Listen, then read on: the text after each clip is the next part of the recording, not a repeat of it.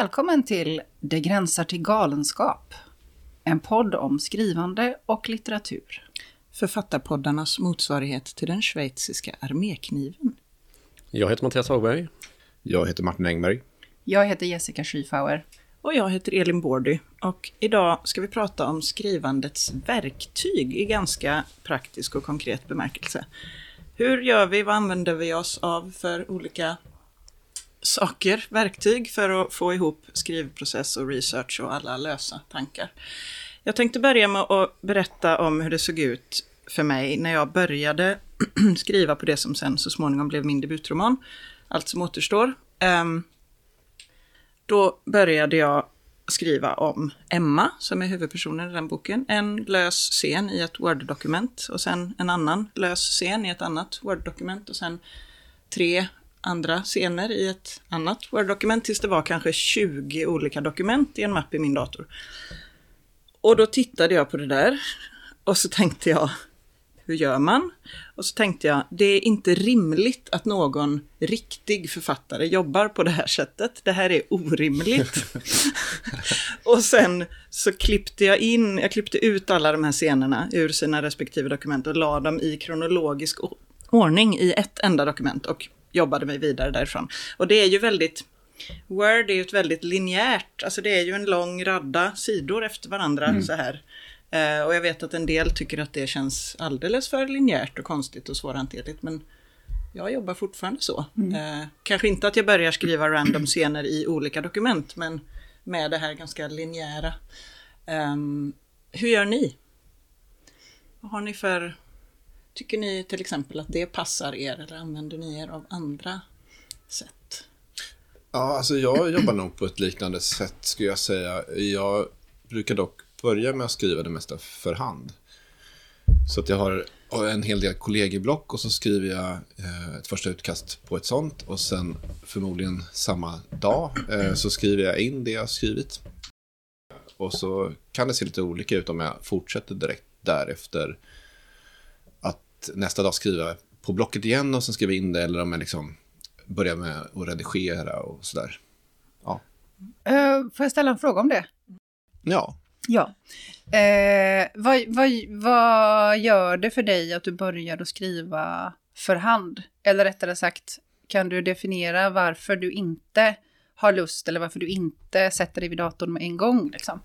Ja, grejen är att det där inte heller riktigt stämmer. Ibland så gör jag på ett annat sätt, men det där är normalprocessen. Mm. Jag tror att det är för att komma lite närmare språket helt enkelt. Mm. När jag får det i handen. Jag kan skriva ganska mm. så fort på tangenterna, men eh, det är risk också att det drar iväg. Så det är för att få en ganska så stor liksom, koncentration på formuleringarna helt enkelt. Mm. Delvis. Men sen kan jag mm. ändå flöda på ganska så bra.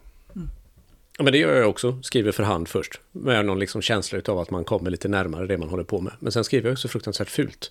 Så jag ser ju inte alltid vad jag har skrivit sen. Så det är ju alltid ett litet bekymmer att försöka liksom avtolka.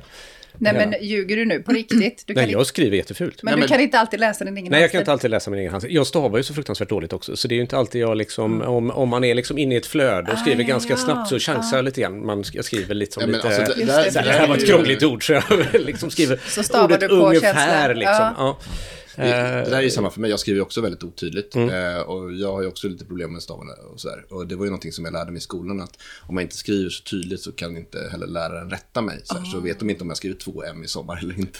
Kan man komma undan med att man har en väldigt driven, avancerad skrivstil istället? Ja, precis. Som är helt men... egen. skriver så vackert Martin, men man förstår ju inte ett ord. Men mitt problem är att jag skriver för långsamt för hand, alltså för långsamt för tankarna. Jag, jag... Men du tänker ju så snabbt. ja. Men skriver du snabbare på datorn ja, då alltså? Ja, för när jag skriver på dator så mm. upplever jag att jag så att säga hinner med. Mm. Att jag kan kasta mig in i de associationerna som händer i huvudet. Mm. Men när jag skriver för hand så uh, hakar liksom handen upp sig. Jag hinner inte med när det kommer en ny. Jag blir frustrerad på att det liksom... Ja, det känner jag igen. Jag kan känna samma. Ja. Ehm, jag har dock försökt att börja motarbeta det mm. aktivt. Ehm, jag ska skriva en novell nu. Uh, och, och, gjorde ett medvetet val och satte mig ner med ett, en uh, anteckningsblock och penna. Och gjorde också ett medvetet val en liten stund in i det arbetet. Att jag uh, faktiskt skulle, för att när jag skriver på datorn så kan jag ofta, det kan ofta gå lite långsamt för att jag vill väldigt gärna redigera med en gång. Jag skriver en mening, skriver en mening till, tittar på den förra meningen jag skrev, ser att den kan ändras. Så jag stoppar gärna upp mitt eget flow liksom. Och så använder jag skrivblocket kanske för att komma ifrån det, för det är mycket svårare att redigera. Alltså då måste du stryka och göra en liten, en liten asterisk och liksom en pil och det här ska in här liksom sen. Men efter ett tag så insåg jag att nej, jag gillar att redigera mig själv under tiden.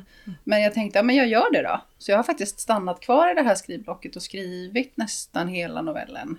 Ehm, det ska bli spännande att se vad som händer med känslan för texten när jag sen för in den i datorn. Liksom. För det var jättelänge sedan som jag skrev för hand och ja, men ändå kom till någon sorts någorlunda utkast av en hel berättelse, om än en kort berättelse. Då.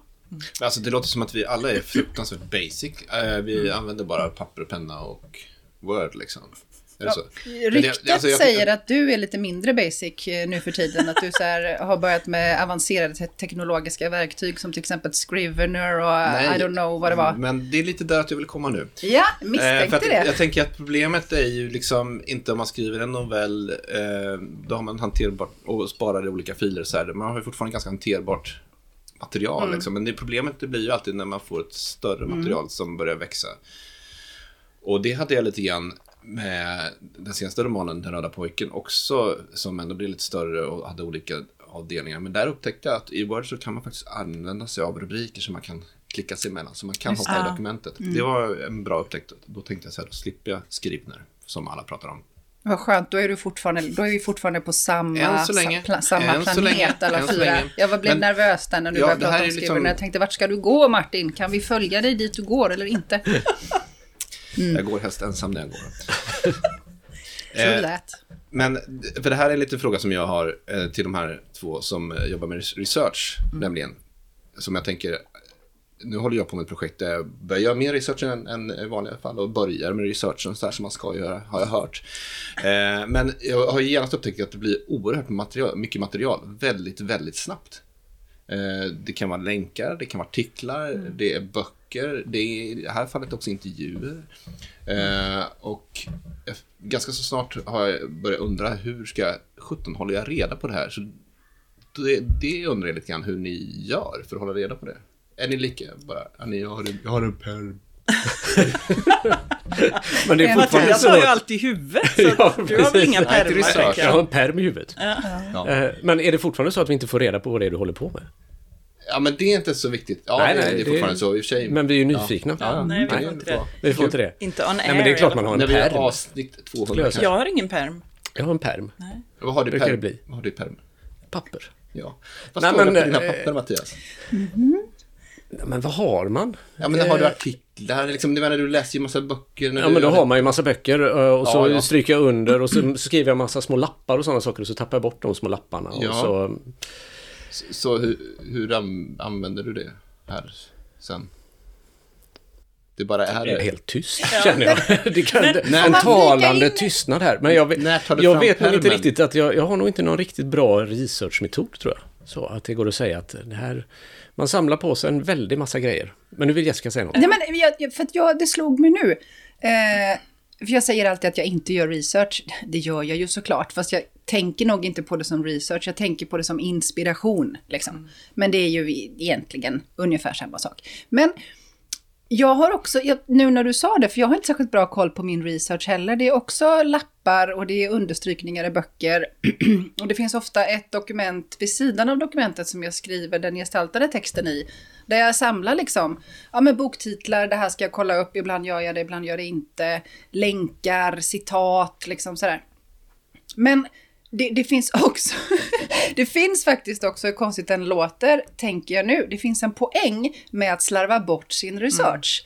Ehm, så tillvida att det man minns, om man nu tappar permen eller aldrig tittar i den, det man minns, det är nog ändå ungefär det som man skulle ha använt liksom, för det har fått ett fäste i en på något vis. Det har gått runt och blivit, från att bli någon annans material så har det gått in i mig, skapat ett minne liksom. Men jag, Ja, men exakt så. säga detta! men jag, Ja men så är ja. Ja, Tar du först Elin? Nej, säg ja, det, ja, men precis. För det, både jag och. Elin håller ju på och så här, skriver ofta historiska romaner, eller så, Mm. romaner som utspelar sig i historisk tid. Och då brukar jag göra precis så. Eh, att man, liksom, man läser så mycket och tar reda på så mycket så att man till slut känner sig förtrogen med den här tiden. Ja. Och med de här figurerna som man vill placera i den här tiden och sådana saker. Och när man kan slänga bort alltihopa, alla böckerna och alla pärmarna och alltihopa och små lapparna och sånt där. Det är då man kan börja skriva. Så det är precis så det går till. pärm. Ja, men jag, men jag tänker att det är skillnad också på, på research och research och kanske därför du Jessica gör den distinktionen att du kallar det för inspiration. För jag tänker att en del är ju, för jag börjar ju inte med research, jag börjar ju med att skriva. Jaha. Och sen upptäcker jag, oj, det här vet, visste jag inte så mycket om. Så. Eh, och då får jag ju ta reda på det. Men samtidigt så är det ju så att jag börjar ju med att jag är allmänt intresserad. Alltså Berlin 20-30-tal, då börjar jag med att skriva men samtidigt har jag ju då redan läst böcker som utspelas där eller böcker som tangerar det här området som jag vill skriva om. Men det har jag ju då sett som inspiration och inte som research. Och sen finns det ju den faktakollande researchen som är, tillkommer efteråt. Där jag skriver mig fram till, oj, jag har ingen aning om huruvida krogarna hade toalett inne eller om man fick gå ut och kissa i rännstenen. Det behöver jag ta reda på. Det, sånt gör jag ju aldrig innan. Det finns ingen perm med det, utan det letar jag ju fram efteråt. Som en parentes bara, hur tar man reda på det? Ja, detta var för övrigt på sätt och vis dåligt valt exempel för det var min redaktör på förlaget som så här, hmm, jag tycker de går och kissar mycket när de är på krogen, hade de verkligen toaletter? Och ringde till någon på typ Historiska museet i Berlin som kunde berätta för henne hur det var. Ja. Så att, Strålande. eh, skaffa er en riktigt toppen eh, förlagsperson som kan... Nej, men, men, eh, coolt. men det jag tänker är liksom att... För jag har ju... Varje romanprojekt har liksom en mapp i min webbläsare. Bokmärkesmapp med länkar. Så. Här är massa länkar som jag har sparat som har med detta att göra och det kan vara Wikipedia-sidor eller bilder eller alltså så här, tick, tick, tick. Men de ligger samlade under den mappen. Och ibland finns det undermappar, Vinterfältplats, då fanns det en som handlade om kriget och en som handlade om staden och en som handlade om HBTQ. Och, en alltså så här, och då ligger länkarna samlade där och dit kan jag ju återvända när som Ett helst. Word-dokument med... Nej, detta är i Safari, i min webbläsare. Ja, i din webbläsare. Bok, bokmärken Ja, ja. liksom. Och sen har jag ju en mapp med Word-dokument. Ett som är som du sa, text, texten, den gestaltade texten. Ett som är baklandet, vilket var en term som min lärare på Skurup använde. Mm. Baklandet är det som man skriver som inte kommer med i själva den färdiga texten. Mm. Och det är ju alla mina tankar. Det är ju ofta tre gånger så långt som själva romanen. Mm. Och där kan det också vara inklistrade citat eller det här behöver jag ta reda på. Eller de, om de är födda det här året så är de så här gamla sen när vi har hunnit fram hit. Alltså en lista på personerna. Men då skriver du liksom eh, även, eh, du pratar med dig själv Ja, i den också? precis. Det är Och den största och delen. Är skriver att jag, ja, Ja. ja, det är allt möjligt. Det är Mm. liksom prata med sig själv, skriva scener, skriva struktur, skriva. Och sen har jag ju liksom en mapp som heter Bortklippt. Där jag sparar scener som jag har klippt bort men som inte får slängas. En som heter kanske kapitelöversikt eller scenöversikt. Med Word-dokument där jag bara listar i vilken ordning scenerna kommer när jag känner att jag inte har strukturen klar. Alltså, så jag har ju liksom ett intrikat system av Word-filer för varje projekt. Och sen kanske en mapp som heter bilder där jag sparar ner inspirationsbilder eller så här såg det här, den här gatan ut. Eller den här. Mm. Ja, ja, ni förhåller Mm. er inte riktigt till det problemet som jag tyckte uppstod med alla de där sakerna. Att man skulle vilja ha liksom någon slags organisering av dem, så man liksom kunde få översikt över materialet.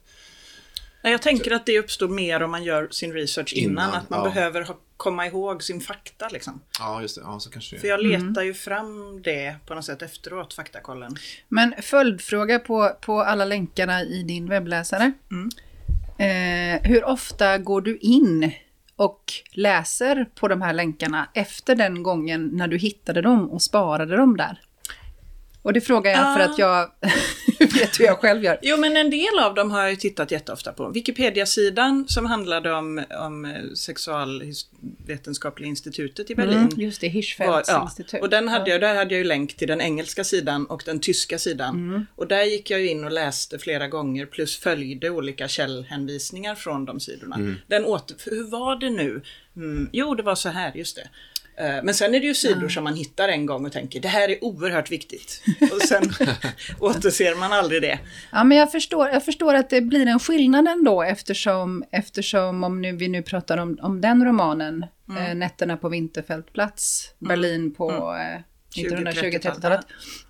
då finns det ju väldigt mycket verklighet och fakta att förhålla sig till. För att jag har ofta en känsla, jag spanar en länk, um, och, sen, och, för att jag har läst lite på den uh, och tyckte att det fanns någonting där som kanske inte lärde mig någonting, men som inspirerade mig.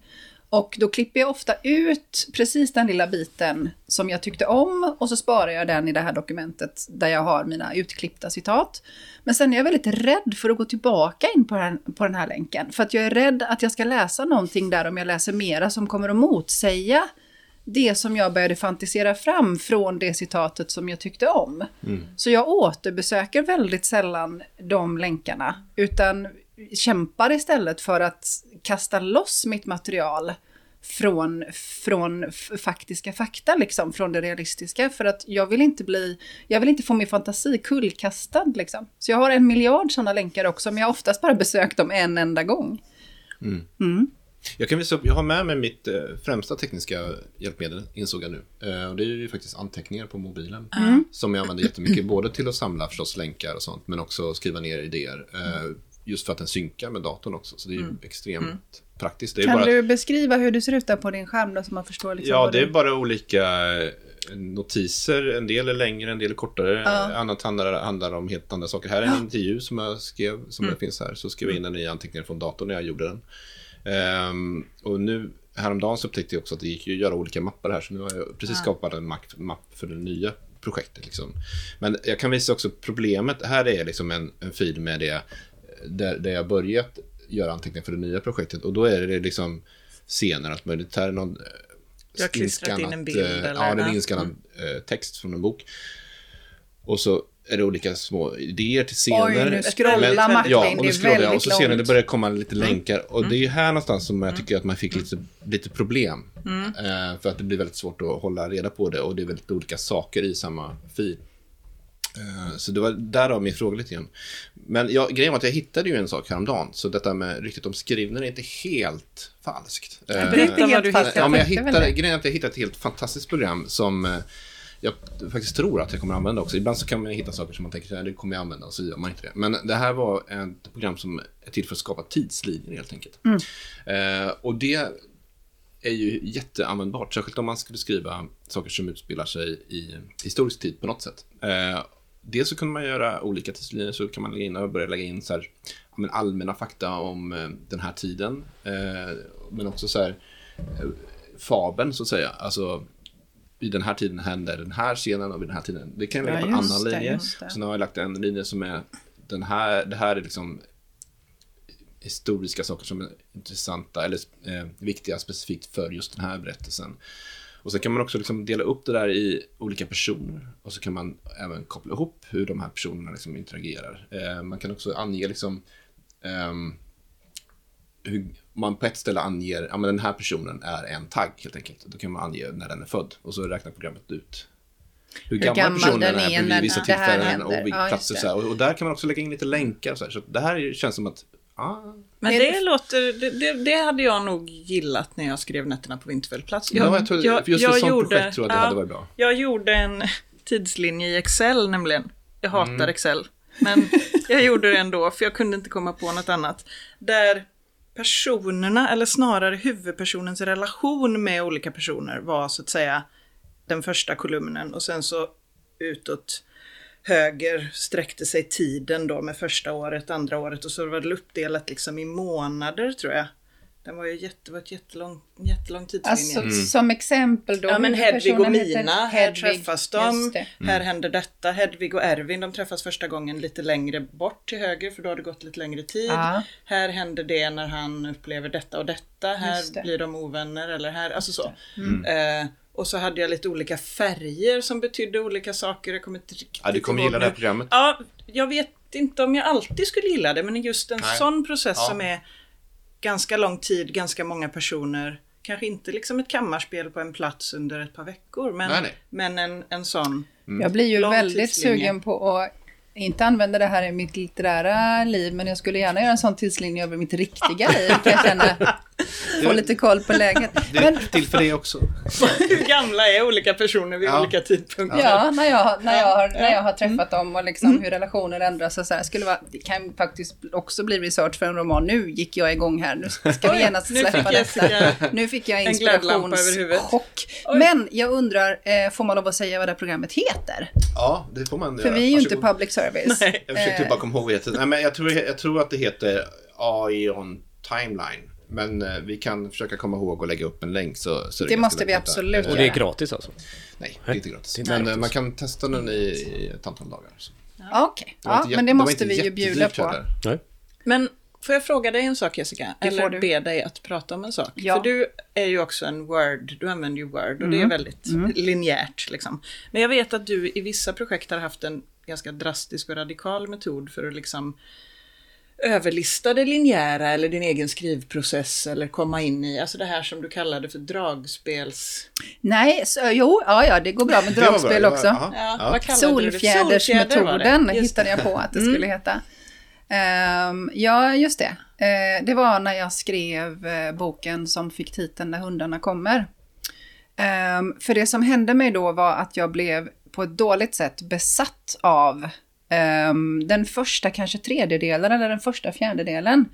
Jag kom inte vidare, för att den skrev jag ganska så kronologiskt. Jag började att skriva det som sen blev de första kapitlen i romanen och sen skrev jag därifrån lite olika. Men just början var, den skrev jag först och det gör jag sällan annars liksom. Och då blev jag helt besatt av att slipa språket i den första fjärdedelen till perfektion, vilket gjorde att äh, jag kom ju aldrig vidare. Så till slut så fick jag helt enkelt bestämma mig för att varenda gång jag öppnar dokumentet så ska jag utan att läsa överhuvudtaget scrolla ner till mitten. Det ser man ju på markören ehm, i sidan av eh, Word-dokumentet. Liksom. Nu är jag ungefär på mitten. Inte läsa någonting, skita fullständigt i var i texten jag var, vad som hade hänt innan eller vad som skulle komma efter. Skapa en ny sida där och bara skriva en scen som jag ville skriva. Liksom. För att materialet skulle kunna växa. Och det var ju liksom som att ma- materialet växte från mitten och utåt. Liksom, och pressade det som var före och det som var efter. Pressade det uppåt och neråt om ni förstår vad jag menar. Och på så vis så lyckades jag få till en rejäl textmassa till. Som jag sen kunde börja ja, men flytta runt och redigera. Liksom. Men du gick inte... Du skrev inte vidare på ord, utan du skrev en helt ny rad. Du gick Ja. inte in i dokumentet och så här fortsatte en mening mitt i. Nix, utan Nej. jag började på ett nytt avsnitt. Men jag Ny sida och så ny scen liksom. Precis, Och den hade ingenting sida. med det som fanns runt omkring att göra då?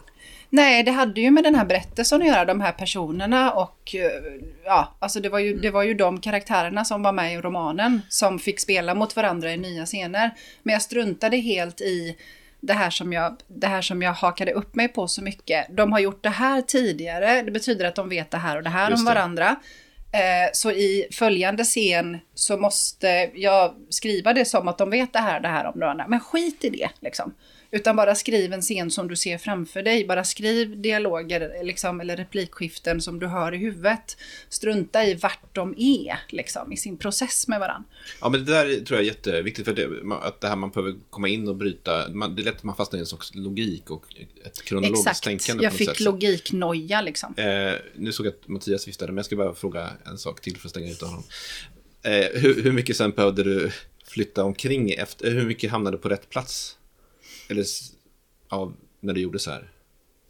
Det minns jag inte, ska jag säga dig. Jag redigerade ju som en dåre efter det och flyttade fram och tillbaka. Så det, det kan jag inte riktigt svara på. Men en sak som jag fick syn på, du ska snart få prata Mattias. En sak som jag fick syn på, det var att eh, jag blev tvungen att dela in berättelsen i tre böcker. Men jag visste när jag gjorde det att det inte skulle vara tre böcker. Jag delade in den i Esters bok, Isaks bok och Antons bok. Det är de tre huvudkaraktärerna.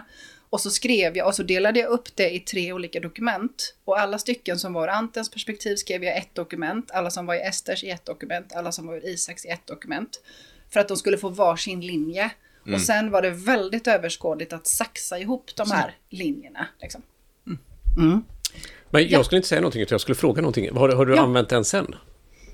Solfjädersmetoden. Den här metoden, liksom. Det har inte varit nödvändigt eh, sen dess, men det kommer absolut att bli nödvändigt igen förr eller senare. Det känns skönt att veta att, att jag vet hur jag kan göra när jag får det här slipa början-paniken liksom. Är det någon mer som har något mer sånt eh, exempel på liksom, ett verktyg som mer består i ett sätt att tänka? Ja, och nu blir det jag som pratar igen. Ja. Ehm, nej, men jag vill faktiskt slå ett slag för scrollandet i dokumentet. För att det insåg jag, jag skriver ju eh, i helt linjära dokument. Eh, och de blir ju precis som i din anteckningsapp där, det här dokumentet blir bara längre och längre och längre. Och så kan jag hitta mig själv scrollandes fram och tillbaka i det här dokumentet en hel, ett helt arbetspass utan att i princip skriva någon ny text överhuvudtaget. Och så har jag suttit och känt att det här är onödigt arbete, jag slösar bort min tid. Men efter ett tag så fattade jag att nej, det är inte onödigt arbete. För när jag scrollar fram och tillbaka och tittar, här står det så här, här står det så här, här har detta hänt, här låter rösten så här, här låter den annorlunda. Då lär jag känna mitt projekt in i benmärgen. Och sen så vet jag, alltså jag vet precis, då kan jag scrolla ner i slutet av ett arbete, kan jag scrolla ner helt liksom på känsla och hamna precis på den scen som jag ville komma till. För att jag vet så väl procentuellt hur mycket som är presentation, hur mycket som är konfliktpresentation, hur mycket som är konfliktupptrappning, klimax, liksom alla de här dramaturgiska punkterna.